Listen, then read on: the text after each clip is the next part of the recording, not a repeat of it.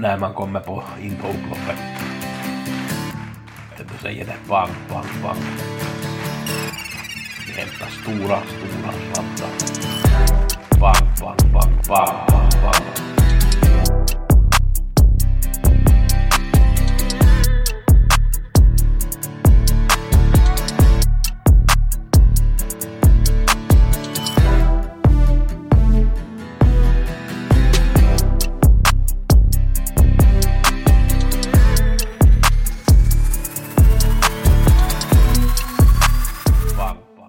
Gusse med veckopodden. Vi går igenom förra veckans 86 och 75 på borden och kollar vi lite på denna vecka och paketet och lite idéer som jag har fått fram. V86 var ju en ganska svår omgång. Det var stor utdelning förra onsdagen. 8 rätt gav knappt 2 miljoner. Bästa spiken, Reime Konge, var 6 procent när jag gjorde tipsen. Det stekte jag rätt om det var en bra spik, men sen hade jag ingen första häst rankad. Eh, V75 på Boden kan man väl bara eh, berätta i ett ord, galopp. Men vi ska nog i alla fall gå igenom loppet, men det blev nog galopp på alla mina första hästar i de här sex första loppen. Så att det var ju ingen trevlig dag och jag var ju själv på plats där också och fick se när Francesco Zet vann med Bara och gratulera Örjan i vinnarcirkeln där. Första loppet, Melby-Joker vann med Daniel Wäjersten, det var lite körning i början men det var nog faktiskt bra. Marlon Boko var tvåa med också Wäjersten som tränade den. Global Attention som jag hade etta, galopperade i starten. Barolo, Barolo Jean vann, det var Roger Nilsson som tränade och Örjan körde, tog spets där. Jag trodde ju att trean skulle ta spets men trean.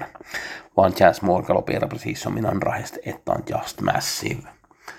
Tredje loppet, No Limit Express gick, kom till ledningen där efter några hundra meter och den såg ut att kunna vara med och göra upp om det även om den fick lite press under vägen där. Men sen så kom den här galoppen då Hanna Olofsson vann med The Oak LA som var hennes bästa chans till fem gånger pengarna där.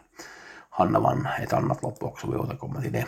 I fjärde loppet så hade jag ju som näst bästa spiken MT Special Girl, den var på väg till ledningen i den här första starten så blåste de för omstart och så kom det galopp där strax efter att de hade blåst för omstart och i den giltiga starten då sen så blev det galopp i starten och det var Galant Tima som vann för stallkamraten Burn Notice. Roger Nilsson tog en dubbel i det här loppet och det var Mats Edjuse som vann med Galant Tima som blev spelat till sex gånger pengarna. Det blev nog ett massa skrik på den på banan där.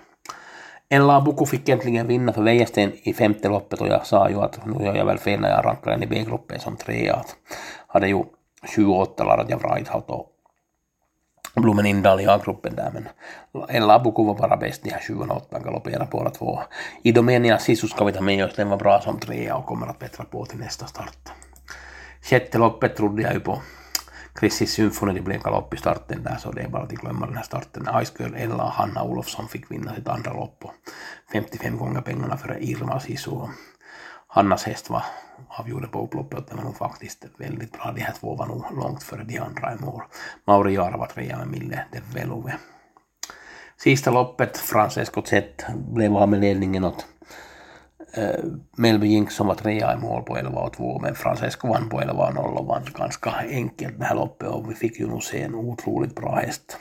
21 startar, 19 vinster berättade det mesta och det var nog härligt att se Redén och Kihlström och Karolina Persson skötaren till hästen i vinnarcirkeln där man såg ju hur glada de var och njöt av stundens ögonblick. Eh, den här veckan kör vi V86 på onsdag och Grand Slam på lördag. V86 onsdag, Grand Slam lördag, det blev lite snurr på halsen där. Eh, intressanta lopp är det på V86. Eh, vi har bland annat storloppet, tredje loppet där Seljas möter Ivanka Mokko ett så sett. Vi har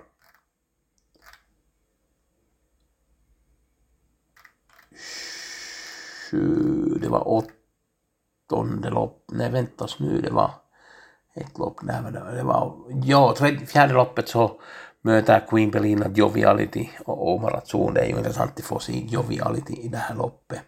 Och i femte loppet så ska jag nog varna för den här Valmar EV Oskar J Andersson. Den är 3 procent i nuläget. Den kommer förstås att stiga. Den var ju tvåa på Östersund tionde i sjätte. Och klart att den möter kanske lite tuffare hästar men den har nog möjlighet att klara sig i det här loppet och vi ska absolut sträcka hästen. Den har tvåa, tvåa, trea på de här tre senaste loppen. Och så tar vi Grand Slammen på lördag, det här veckans paket är 10 euro eller 100 kronor. Gustaf.hager.gmail.com e-postadressen som vanligt. Eh, andra loppet var ett kallblodslopp med 15 hästar. Det är ju ett ganska svårlöst lopp där. Och så hade vi sjätte loppet där vi har Revelation, Million Dollar Rhyme, Lawmaker. Lawmakers hade lite fast senast som jag trodde på. Best of Dream Trio, Unico Broline, Admiral As fick spår 8, Mr F Dark spår 10. Det här är ju ett intressant lopp att kolla på. Så att vi har bra vecka att se fram emot. Så att vi har lördag och onsdag har vi de här tipsen den här veckan.